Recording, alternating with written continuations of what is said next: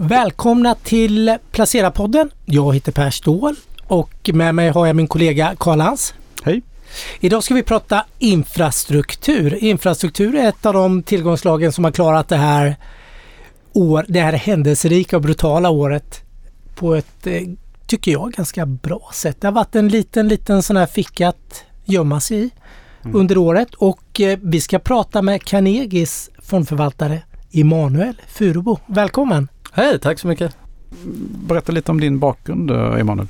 Eh, ja, jag eh, har jobbat i finansbranschen sedan 2015 eh, och började egentligen på ett bolag som hette Optimize Portfolio Management Stockholm AB. OPM och började med att förvalta eller vara analytiker och sedermera involvera mig i förvaltningen på vår globalfond som heter OPM hette OPM Global Quality Company. Så sen har vi gått igenom lite iterationer och eh, hamnade i Carnegie Fonder under våren 2021. Eh, och eh, sen då som sagt eh, hoppade jag och tog över den här fonden Carnegie Listed Infrastructure i maj i år. Och var, du var intresserad av aktier långt innan det här kan jag tänka mig också? Ja, jag vill minnas att jag köpte min första aktie i Getinge när jag var mm, Medicinteknik? Ja, precis. Jag tror jag ägde den i tre veckor och sen köpte jag glass för pengarna eller något. Mm. Låter gott. Så jag har blivit mer långsiktig i mina investeringar också med mm. tiden. Ja, vad säger du om min inledning att infrastrukturbolagen eller noterade infrastrukturbolag har klarat året ja, relativt bra eller förhållandevis bra? Nej, jag säger väl att det stämmer förhållandevis bra. Eh, nej, men infrastruktur i mångt och mycket är det ju tillgångslag som man har för de defensiva egenskaperna i det och just att eh, mycket av poängen med det är att det ska kunna klara en tuffare period på börsen på ett bra sätt och det har det ju gjort. Eh, vad är nyckeln till det då eller vad? Men i mångt och mycket så är det ju infrastruktur.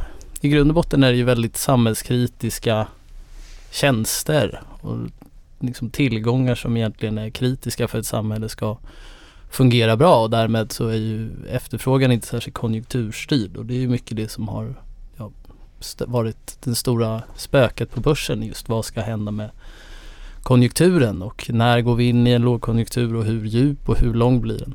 Eh, så då har du ju liksom tillgångar som har eh, relativt stabila och säkra kassaflöden eh, och verksamheter som ska klara av det och eh, därmed få, när man pratar om noterad infrastruktur som vi då håller på med, en lägre volatilitet och lägre systematisk risk. Eh, så på det sättet har det, det har gjort sitt jobb kan man väl säga. Det är väl en lite så tråkig tillgång egentligen kan man tycka. Alltså när det är, när det är en bullrande högkonjunktur då kanske det är lite trist att äga just infrastruktur för det rör inte så mycket på sig uppåt men det, men det är väldigt skönt att ha i sådana här lägen. Ja, nej men jag håller med. Det är en tråkig tillgång och det ska vara en tråkig tillgång. Men det är klart som sagt är det, eh, är det börsrally och alla är jätteoptimistiska och ingen är orolig över något då är inte det här en tillgång som eh, följer med på samma sätt. Men mm. på samma sätt så liksom lackmustestet för det här är ju att det ska då hålla emot i, på motsatt änden av det när det börjar gå neråt och det har det gjort relativt väl. Mycket infrastruktur eh, tillgångar eh, på börsen och bolag är ju positiva på året eller svagt negativa jämfört med ja, väldigt mycket annat då som är rejält negativt. Ja, om, om man tittar på infrastruktur då generellt, finns det några liksom tillgångar inom infrastruktur som är högre risk eller några som är lägre risk ur ditt perspektiv? Eh, jo, men det är klart det finns. Alltså mest säkra sådana här så kallade utility som eh, har en viss exponering mot eh, energisektorn men oftast då eh, de som är, köper in energi och bara för det vidare på kunderna är såklart mer säker. Sen finns ju de som är mer involverade i produktionen vilket överlag tenderar att vara om det, inte är, rysk, om det inte är rysk gas då som ja, Uniper nu till exempel i, i Tyskland. Då. Ja, precis. Mm. Eh, men sen såklart det finns ju också lite på längst ut på spektrum det, det finns bolag som kanske inte är renodlad infrastruktur, mer servicebolag till det och där har man ju överlag har en högre risk i det. V vad hittar vi årets vinnare då? I vilken sån här subsegment eller subsektor? Eh, ja, årets vinnare hittar vi såklart i de som har mycket exponering mot energi överlag där priserna har rört sig så, så väldigt mycket och det är ju sant även för vår portfölj. Vi har ju en hel del liksom bolag som fokuserar på förnybar energi. Det har gått väldigt bra. Men vi har även fått bra bidrag från eh, järnvägsbolag i USA som är då förhållandevis stabilt också med stor liksom, realtillgångar som tenderar att öka i värde med inflation och eh, till viss del mer naturliga monopol där man lättare kan föra över till exempel ökade kostnader till kunderna utan att få den delen tappa volymer. Så det har gått bra. Avfallshanteringsbolag i USA har också, för det är också en typisk sån här efterfrågan är inte särskilt konjunkturstyrd. Det gillar Karl vet jag. Vi kommer prata återvinning eller avfallsbolag senare i, i podden. Jag tänkte bara en annan sak som bara slog mig nu när du pratar om att det som Karl säger, det är ganska tråkigt men det har ändå levererat och visat vad det är. Har intresset varit större hos investerarkollektivet nu? De, eh, om vi tittar på privatsparare, de tenderar ju vara lite momentumstyrda, gå till det som går bra för tillfället. Mm. Eh, hur är det bland större institutioner och mellanstora institutioner? Eh, finns det ett växande intresse för den här typen av, av aktieinvesteringar som list, eller noterade infrastrukturbolag?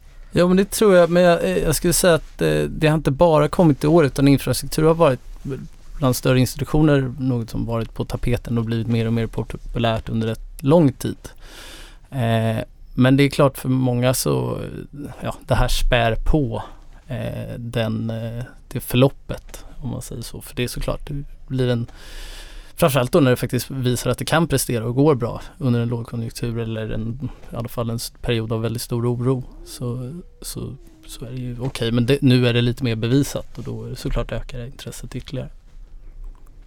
Hur, hur, ser ni på liksom eh, landsexponering här? För det är ju, ni är globala då. Men eh, är det liksom, är, finns det länder ni undviker här så att säga? Eller tittar ni på sådana saker? Ja, men vi har i huvudsak eh, koncentrerat portföljen mot mer utvecklade ekonomier. Och dels för att vi hittar mer mogna lönsamma bolag. Så det är dels själva bolags, bolagen i sig tycker vi passar bättre för en sån här då mer stabil och säker produkt i, i mer också utvecklade länder. Men sen är det såklart, det är, ja, vad ska jag säga, årets händelser har ju varit lite en väckarklocka av att man ska kanske ta landsrisk ur ett politiskt perspektiv på ännu större allvar. Och det är till exempel då att Kina är väl något vi undviker eh, av eh, risken att ungefär det blir ett, ett, om när det nu blir om några år eller när det kan hända men ett liknande förlopp som det vi har sett i, i Ryssland. Mm. När det gäller Taiwan då? Mm. Ja, precis. Hur ser investeringsprocessen ut om vi börjar lite där. Nu, nu pratar du om att eh, du ser länderrisker eller politiska risker finns det som ni kanske inte eh, vill ta. Då, därför är ni utvecklade ekonomier. Och eh, precis som du säger, vi har ju sett det verkligen i år det här med med länderrisk eller med Moskva. Du har ju ett förflutet Karl eh, med, med Rysslands investeringar eh, och verkligen se det här när, när den här tillgångsklassen är mer eller mindre kollapsar, vilket det har gjort i Ryssland. Ja, det gör det med jämna mellanrum tidigare ja. också. Mm. Mm. Men hur ser investeringsprocessen ut? Vad, vad letar du efter för typ av, av eh, infrastrukturbolag och ser du infrastrukturbolag, eh, vad, vad, är det för er? Eh, om man säger så, är är ett förnybar energibolag? Är det ett infrastrukturbolag? Och köpa vindkraft eller eh, pratar du hamnar eller flygplatser? Eh, jag tror jag börjar med att svara på den här frågan. Att det här är ju så kallad artikel 9-fond. Eh, vilket betyder att den har då ungefär ett tvådelat mål om att som alla produkter skapa en bra riskjusterad avkastning för sina investerare. Men det ska också vara att den investerar med hållbarhet som ett, eh, som ett delmål. Så inga flygplatser då? Eh, nej men till exempel så har vi inte flygplatser lite på grund av det men också på grund av att jag inte ser det direkt som en jätteintressant tillgång för jag tror att resandet överlag kommer vara pressat under lång tid. Mm. Eh, men det betyder att alla som sagt bolag ska på, på ett eller annat sätt bidra till något av FNs hållbarhetsmål så som vi har satt upp processen. Man kan ju sätta upp det på flera sätt. Men så har vi gjort det.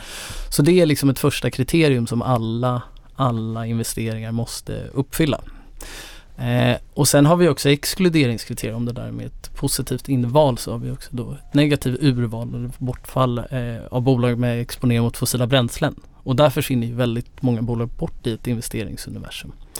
Eh, men då när vi, ja det som är då vårt, eh, det som är kvar då i vårt investeringsbara universum, där är det ju mycket att eh, försöka förstå bolagen, vad det är för tillgångar de äger, hur kommer det här kunna utvecklas över lång tid, vad är potentialen för att dels vässa tillgångsmassan men över tid också vässa omsättning och vinster och kassaflöden. Eh, och helt enkelt räkna på vad vi tycker att ett bolag är värt och sätta det i förhållande till ja, vad det de facto kostar. För att försöka hitta ungefär högkvalitativa infrastrukturbolag med en bra värdering. Eh, och eh, i det absolut så förnybar energi och där har vi dels bolag som producerar och bolag som är mer arbetar med distribution av energi. Men det är en viktig poäng just att det är inte bolag som till exempel Vesta som är ju ett industribolag som producerar turbiner och sen säljer till bolagen som ska producera energin. Utan det handlar ju om att det är bolag som äger infrastrukturen för att just producera energi. Men så till exempel Örstedt då, om vi tar i Danmark igen som exempel. Den, Mm. det äger ni den till exempel? Lite dyrt. Det är lite för dyrt. Mm. Även trots nedgången här. Ja, Ja. Tycker Hur kommer ni förhålla er till nya subsektorer? Jag tänker som batteritillverkare. Det finns ett antal ute i världen men det kan ju bli ett antal till som blir noterade. Vi har ju en stor svensk spelare själv här som sannolikt kommer till börsen någon gång. Eh, Jo, men i, I dagsläget så är det inget vi har investerat i. Det är lite att det inte är så jättemånga som är så jättemogna och inte så lönsamma. Men på sikt så är det såklart en väldigt intressant nisch inom, inom sektorn eller inom industrin. Så bolagen ska vara ganska mogna. De ska Ja, ha en det viss lönsamhet. Mm. För att du ska trigga och se det som ja, det här bolaget kanske vi ska ta in. Ja, men, jo, men Det mycket, mycket handlar ju om att om infrastruktur som en tillgångsklass är defensivt för att det är en låg systematisk risk så vill vi inte heller plocka in bolag som möjligtvis har en låg systematisk risk men det är väldigt hög liksom, idiosynkratisk bolagsrisk i dem. Utan vi vill ju att det ska vara liksom bo, både en låg eh, intern operativ eh, idiosynkratisk risk och systematisk risk. Jo, Vänta nu, vad är, vad är Ja, idiosynkratisk men det är alltså risk? bolagsspecifik Ja, risk och ja. den är ju oftast högre då i, i eh, unga, mindre mogna bolag Ja. där det, det finns fler saker som kan gå fel helt enkelt. Det är mer större risker helt enkelt. Mm. Mm. Men om vi kollar på era största innehav nu då. Mm. Brookfield Renewable Partners är största innehavet. Ja, så det är ett bolag som eh, enbart fokuserar på förnybar energi och äger och förvaltar då inom eh, egentligen eh, vatten, vind och solkraft och kommer från ursprungligen är då från Brookfield, alltså Asset Management som är en av världens största kapitalförvaltare och en jättestor private equity-firma. Så har man satt det här på, på börsen som är då unikt fokuserat på förnybara tillgångar. Mm. Så tecken lite förnybart då. Ja, Eh, nummer två då, Hydro One. Det är kanadensiskt eh, energibolag. Ja, det, de egentligen sköter det största elnätet i eh, Ontario. Där Mm, eh, mm, bland annat största provinsen. To- Toronto ligger. Ja, just det. Mm. Och eh, Crown Castle då? Ja, det är ett bolag som de äger så kallade alltså, kommunikationsmaster. Mm. Eh, så helt enkelt en mobiloperatör betalar för att sätta upp sin utrustning på, på de här masterna och sen tar de helt enkelt betalt av dem. Och tjänar ju pengar på ju mer människor som är uppkopplade och ju större datamängder som ska transporteras så är det liksom, faller de till gagn. Det är lite som ett fastighetsbolag kan man säga, för, eh, fast master då. Ja precis och många av dem är ju så kallade amerikanska REITs, ett sorts fastighetsbolag men de med ett väldigt specifikt fokus på just kommunikationsmaster. Liberty Broadband. Ja, de är egentligen är storägaren i eh, Charter Communications som är ett av de största bredbandsoperatörerna i, i Nordamerika. Mm. Union Pacific, det är ju järnvägs, största järnvägsbolaget va? I Nordamerika. Ja, jag tror att det är näst, jag tror Warrens, Kanske näst eh, störst. Warrens eh, där BNSF som han äger då är, Mm. är det största tror jag. Men därefter kommer då Union Pacific som äger ett eh, enormt nätverk i framförallt eh, mellanvästern och västra USA. Mm. Eh, Netlink, eh, Singapore-baserat bolag. Ja, Mm. så sköter då bredband i Singapore egentligen, det Mm. nätverket. Och sen har vi American Tower. Det är ju då också kommunikationsmaster egentligen så det är samma, eh, samma som Crown Castle i grund och botten. Ja. Verisign. Ja, det är rätt intressant. Det är alltså ett bolag som hanterar eh, vad ska vi säga, root-servar för internet och äger och sköter då .com och .net. Mm. Eh, så varje gång du sätter upp och har en, eh, har en ny internetadress med en .com-adress så är det helt enkelt de som tjänar pengar på det. Och du måste gå via dem. Mm. Ja, det finns ju andra men, eh, men de, det är ju de stora liksom. Mm. Om man säger så. Sen Republic Services, näst störst på avfallshantering i USA. Yes, det Men stämmer. och var- varför har ni valt just den och inte den största? Men vi hade, den största är då Waste Management och vi har haft båda bolagen men vi tycker att public service ser lite mer attraktivt värderad ut. Och sen tog vi också in ett ytterligare ett avfallshanteringsbolag som heter Clean Harbor som eh, specifikt fokuserade på egentligen eh, alltså toxic waste och farligt avfall. Eh, som har en lite hö- det är lite mer annorlunda och lite spetsigare. Det växer lite mer eh, och eh, har en lite lägre värdering och då kände vi att nu börjar det bli lite väl mycket avfall så då valde vi att behålla Mm. Republic Services just på grund av värdering för Waste Management. Förstår. Och sen har ni eh, ett europeiskt innehav som eh, heter Veolia Environment. Och det är väl både vatten och eh, avfall va? Ja precis, Mm. du ser vi har rätt mycket då inom avfallshantering. Men Mm. ja, just ett europeiskt bolag står inom vatten och avfall och köpte Suez. Just det. Det blir ett av de största i världen egentligen. Mm. Men väldigt tunga just i Europa. Just. Ja. Mm. Jo, väldigt Europa-fokuserat. Mm. Men det låter som ni är ganska USA-tunga. Ja, runt eh, 40 procent av portföljen. Vilket är mindre än en global trend. Det är betydligt, betydligt mindre mindre, får man ja. säga. Eh, och sen har vi då en del som Hydro One och sånt som i Kanada så det rör sig om strax under 50 procent i Nordamerika. Hur många bolag äger ni totalt då? Ja, 30. Mm. Så ändå ganska koncentrerat då. Ja, men det är ungefär det är rätt lagom. Vi brukar tycka att runt 30 till kanske Mm. uppemot 40 bolag är mer än så ska man inte behöva egentligen om man, Mm. om man ser till att sprida det man har då. Mm. Hur är omsättningshastigheten? Det låter som det är, ni, så det låter som ni är ganska långsiktiga i era investeringar. Absolut, jag menar fokuset är som sagt mycket på att inte förstå var kvartalsrapporten ska hamna nästa kvartal utan vad kommer bolagen vara på lång sikt. Och, men det innebär ju såklart att det är fortfarande så att eh, priser går upp och värderingar går upp och ner så oftast handlar det om att man säljer och försöker hitta det som säljer det som blivit lite dyrt och försöker hitta det som är fortfarande lågt värderat. Men eh, jag skulle säga kanske rör sig om en fem, sex bolag vanligtvis på ett år som går in och ut. Hittar ni mycket attraktiva bolag nu med, när börserna har varit så pass eh, sura som de har varit utvecklingsmässigt under året? Hittar du mycket, eh, kommer, dyker det upp bolag som ni har tittat på som ni känner det här kanske man skulle... Ja, alltså problemet är att infrastruktur har som sagt gått rätt Mm. bra så vi har inte fått särskilt mycket liksom multipelfall i sektorn. Eh, och lite eh, innebär det att det inte är så jättemånga som vi tycker dykt upp som vi liksom haft på en bevakningslista och sen helt plötsligt så har den fallit och värderingen blivit eh, den rätta utan de har ju hållit sig även rätt stabilt och det finns bolag som vi eh, gärna skulle vilja till exempel investera i men som vi fortfarande tycker kanske kan gå ner lite i pris. Och det är till exempel bolag inom eh, vatt, alltså vatteninfrastrukturbolag i USA som American Waterworks och dylikt. Det är ju fortfarande väldigt det är jätteintressanta bolag men Mm. det är fortfarande väldigt höga multiplar. Eh, De har gått väldigt bra sista åren. Precis. Ja precis och där, där kan man ju tycka att då med högre räntor borde de kunna då bara på grund av det eh, liksom att diskonteringsräntorna går upp kunna tryckas ner lite innan man går, går in i dem. Men det borde väl gälla hela sektorn. Jag menar när marknadsräntorna går upp så påverkar det ju aktier med diskonteringsräntan. Så nu, de har ju ändå hållit sig så pass bra vilket överraskar mig lite ändå tycker jag. Eh, Det överraskar lite mig också faktiskt. Eh, det är klart att eh, i någon mening det här är ju bolag som har men det är ett rätt högt inflationsskydd och det är klart då är det mer realräntorna eh, som det handlar om. Och realräntor är såklart fortfarande väldigt, väldigt låga. Även om de har gått upp så är det fortfarande i USA är det en tioårig realränta. Så du, när du justerar den nominella räntan för, inflations, för den förväntade inflationstakten på 1% vilket Mm. är väldigt lågt. Och i Europa är de ju negativa. Eh, och de kan ju såklart fortsätta upp. Eh, det finns väl ett rätt stort utrymme för dem att fortsätta uppåt. Men om vi, om vi lyfter lite nu. Det har hänt ganska mycket. Vi har krig i Europa. Det har fått den här eh, EU, vad heter den, Fit 55. Alla Mm. de här eh, transitionsplanerna som ligger.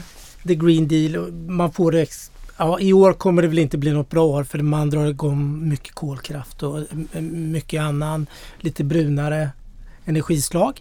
Men, men, men hur ser du framöver? USA har man gjort den här, eh, vad heter den, IRA, heter den där?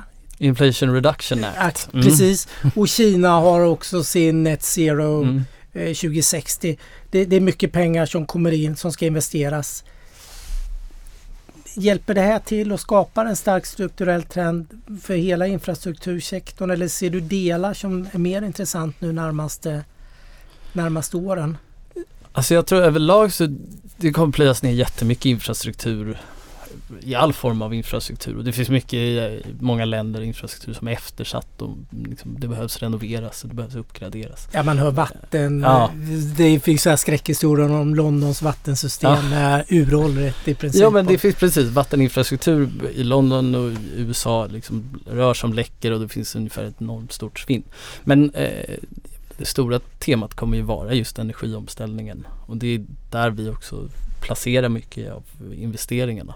För det är klart att ska du över en 30-årsperiod helt enkelt göra om hela energimixen så är det enormt mycket investeringar som ska göras. Det är en enorm mängd kapital som ska förflyttas in i något som är förnybart och mer hållbart. Eh, och det skapar väldigt intressanta möjligheter just inom den sektorn. Vad letar ni eh, framtida vinnare? Eh, Har ni något särskilt så mikrotema eller vad man ska säga som ni kanske inte har investerat riktigt än men som ni känner att det här kan bli jättestort? Eller är det mer traditionellt? Vatten pratar du om. Du pratar om American Waters. Är ni inte inne i men eh, Ja, men i, I någon mening är vi nog lite traditionella att vi gillar det som sagt som är rätt väl etablerat och det är klart då vi pratar om förnybar energi det finns en enorm tillväxtresa inom som ska göras men det är samtidigt väldigt det är beprövade bolag, det är beprövade affärsmodeller så vi litar på det. Men just lagringsteknik av energi så är ju det fortfarande, ja det är många kliv kvar innan det liksom eh, kommer bli riktigt stort och där är ju som sagt något som vi tycker är väldigt intressant men vi väntar lite på att rätt bolag ska komma ut egentligen och gör, bli investeringsbara. Jag var precis, jag kommer från ett eh, hållbarhetsseminarium faktiskt som jag var på lunchen. Där pratade vi lite eh, grön vätgas exempelvis. Mm. Som, eh, där man enades om att det, det, är, det är en framtidsgrej men vi är inte där än för det är för dyr kostnad och så Mm. vidare att producera och sådär. Eh, är ni inne i industrigaser och den typen av, jag tänker Linde, Air Liquid, den typen av bolag. Ser ni, ser ni den som infrastrukturbolag eller var skulle du placera dem? Nej, jag, dels är det ju som sagt vi har inget i det och vätgas är som sagt ett intressant område men jag skulle också säga att kommersiellt är det inte riktigt gångbart ännu men eh, men det är också lite att vi vill ju ha bolag som i någon mening äger reala tillgångar. Eh, och det hittar man inte i de bolagen, många av dem tycker jag på samma sätt. Så det är för oss inte riktigt tillräckligt mycket infrastruktur. Nej, och de producerar gas. Det är inte Ja. särskilt... Det är inte det hållbaraste det är inte för oss. Nej, vi har ju också, man har ju regler om vad man får investera i. Så. Naturgas är som sagt överlag en, en sån där, har ju gått fantastiskt. Men det är ju något vi inte får. Det exkluderas helt enkelt på exkluderingskriterierna. Och kärnkraft också gissar jag. Ja, och sen i kärnkraft ofta det finns ju inte så jättemånga renodlade kärnkraftbolag tycker jag. Ja. EDF försvinner också. Ja, så Mm. liksom man hittar inte mycket där. Även om man skulle vilja investera i det så finns det inte så där jättemycket möjligheter tycker jag. Eh, vad tror du kommer att hända i Europa? Kommer det fler, blir det fler noterade bolag? Kommer man, nu, nu är det ju noteringstorka. Eh, den är ju total efter fjolåret. Men eh, du pratar om att det ska in mycket kapital och det behövs göra men- stora investeringar. Absolut, det tror jag. Det, du kommer få många nytillskott. Alltså som sagt just nu händer ingenting men över tid så tror jag absolut det. Ni har lite, lite udda exponering då. Ja, Grekland till exempel. Just. Terna. Ja, Vad, hur är tanken med det? Liksom? Nej, men det är som sagt det är ett eh, bolag som håller på med just förnybar energi och äger eh, egentligen vindkraftparker i Grekland, Polen och, och lite i Bulgarien. Eh, men som eh, växer jättebra. De har en väldigt ung stock. Eh, alltså mycket som satts ut de senaste fem åren. Och eh, tror ungefär planen är att man ska mer än tredubbla kapaciteten de närmsta fem åren. Mm. Och det är ett bolag som har eh, kommit och haft en väldigt fin resa i år och faktiskt det bäst avkastande bolaget i portföljen på ungefär 30 sedan årsskiftet. Mm. Eh, Men multipeln, värderingen har blivit lite rikare också så det är något vi har skruvat ner på. Det är fortfarande kvar i portföljen men Mm. Är, ta, ta ner positionen lite där. är, du ute mycket och reser till de här bolagen och, så, och tittar på deras vindkraftparker och sånt Nej. där? Eller? Nej. nej vi, jag har aldrig riktigt jobbat på det sättet måste jag Nej. säga. Att jag har varit ute och träffat bolagsledningar. Utan jag tycker det mesta och det vi vill åt kan vi få från siffror och rapporter. Mm. Och liksom läsa och försöka tolka information mer Mm. än att sitta i möten med dem. Mm. Det är intressant. Jag har faktiskt en liten reflektion. För jag har träffat några förvaltare som har samma syn som dig. Mm. Och de har det för att de har blivit lurade av ledningen tycker de. De har träffat ledningen och de Ja. säljer på något, Mm, eh, mm. något rosenskimrande Bra, bra liksom. framtid och är väldigt bra ambassadörer och försäljare för, för bolaget men kanske inte lika bra för aktieägarna då. Nej men Eh, eh, duktig VD är ju duktig på att presentera information på rätt sätt så att Mm. det låter väldigt positivt och jag förstår och jag har själv hört från andra just som har eh, ja, blivit brända om man säger så. Så det är mycket arbete på kammaren om man får kalla det så. Ja, Sitta och räkna och skruva och Just det, i Japan har ni ju Japan Railway. ja. Vad är tanken med det innehavet? Nej men det är, många av de här hade ju såklart extremt tufft under covid när man Mm. hade lockdowns på samhället och det var ingen som reste alls. Och omsättningen föll ju i botten men så gjorde också mycket av aktiekurserna. Så vi tycker att det nu när Japan börjar öppna upp är en intressant, eh, intressant tillgång att äga. Så för att då förklara bolaget så äger då eh, nätverket och järnvägarna som till exempel går mellan Tokyo och Osaka, två av de största regionerna och där vi ser också en mer långsiktig en urbaniseringstrend som kommer liksom öka efterfrågan på, på just tågtransport. Och även att det passar väl in i hållbarhetstemat som det liksom mest energisnåla sättet att färdas på mellan de här regionerna. Och snabbaste sättet. Ja, den där Eller- Shin- Shinkansen går Shinkansen fort. går fort. Ja. Mm. Och Spanien äger ni ju rätt mycket också eller? Ja, vi har en del. Vi har eh, bland annat ett bolag som heter Acciona som just eh, håller på med produktion av förnybar energi och eh, eh, står inom framförallt vindkraft men har även en del vattenkraft och solkraft. Eh, och sen har vi ett bolag som heter Red Electrica som egentligen sköter elnätet i Spanien. Mm. Så det ena står mer för produktion eh, och de andra står för transmission och distributionen av den förnybara energin. Men EDP har ni inte gett er på? Jo, det har vi. Det har ni också? Okej. Mm. ja. Det var det, det tredje. Eh, Som är också då eh, i likhet med Acciona en stor, stor producent av eh, förnybar energi Ja precis. Ja. och eh, vindkraft i Ja. stor del. Jag tänker på en sak. Om man nu har som sparare en fondportfölj för att göra det enkelt. Mm. Med någon global fond, Sverigefond och vad det brukar vara. Någon teknikfond kanske. och Så. Vad tycker du? Eh, list, eh, noterad infrastruktur. Är det liksom Ska man ha det? Och varför bör man ha det i en fondportfölj? Och hur stor del tycker du att det är rimligt för att det ska få någon effekt? De här egenskaperna som du pratar om att de genererar stabilitet och kassaflöde. De har inte så hög volatilitet och så vidare. Ja men det är ju svaret på då egentligen varför man ska ha det. För att eh, i någon mening tror jag alltid, du vet Börsen går lite, den går upp och den går ner och det är jättesvårt att tajma det och du vet aldrig riktigt vad som kommer hända från en dag till en annan. Eh, och då ha något som korrelerar med lite lägre med lägre volatilitet och kan erbjuda skydd i turbulenta tider är liksom, det ökar din portföljeffektivitet. Eh, och ja, vad kan man ha? 10-15 procent? Var du själv då i din eh, privata? Är det 10-15 eller är det 50? Nej, jag skulle, eh, det är ungefär det som det ligger på. 10-15? Ja. Är det, är det sånt svar man får när man pratar med institutioner också? Är det där man har valt att lägga sig? Är det någon global standard eller om det är institutionsstandard? Om man kan uttrycka sig så. ja, men det är väl ungefär, många har runt 10-15 för det liksom, sen kan man kanske komplettera det med, med till exempel har man private equity så har man kanske lite mer oftast. Eh, 20-25 har ju till exempel Yale och Harvard, den typen av amerikanska stiftelseinstitutioner. Men infrastruktur, det låter som det är här definitivt här för att stanna och det låter som att det finns lite framtiden för sig. Dels strukturell medvind. Absolut, det är som sagt det vi, ja, det vi gillar, eller det jag gillar med det är just att det är ett defensivt tillgångslag. Men det finns som sagt de här långsiktiga strukturella trenderna som kommer hjälpa till att driva tillväxt och eh, förhoppningsvis även avkastning. Och det vet jag att även Carl gillar, för du gillar ju Waste Management vet jag. Absolut, jag gillar Waste Management. Den, är, den tycker jag är för dyr just nu då. Men Mm. eh, har man en väldigt lång horisont så kan man nog stiga på. Men överhuvudtaget sophantering är ju en framtidsbransch. Definitivt. Ja det tycker vi med. Mm.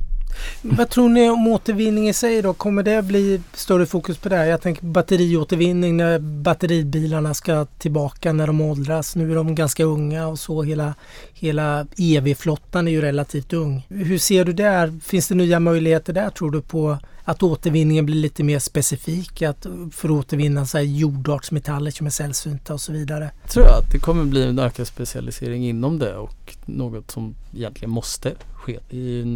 ska man ha en omställning och faktiskt leva mer hållbart så kommer ju så här, vad man gör med End of life möte kommer ju vara en jätteviktig del av det. Det handlar ju verkligen om ett helt liksom, kretslopp. Tack för att du tog dig hit.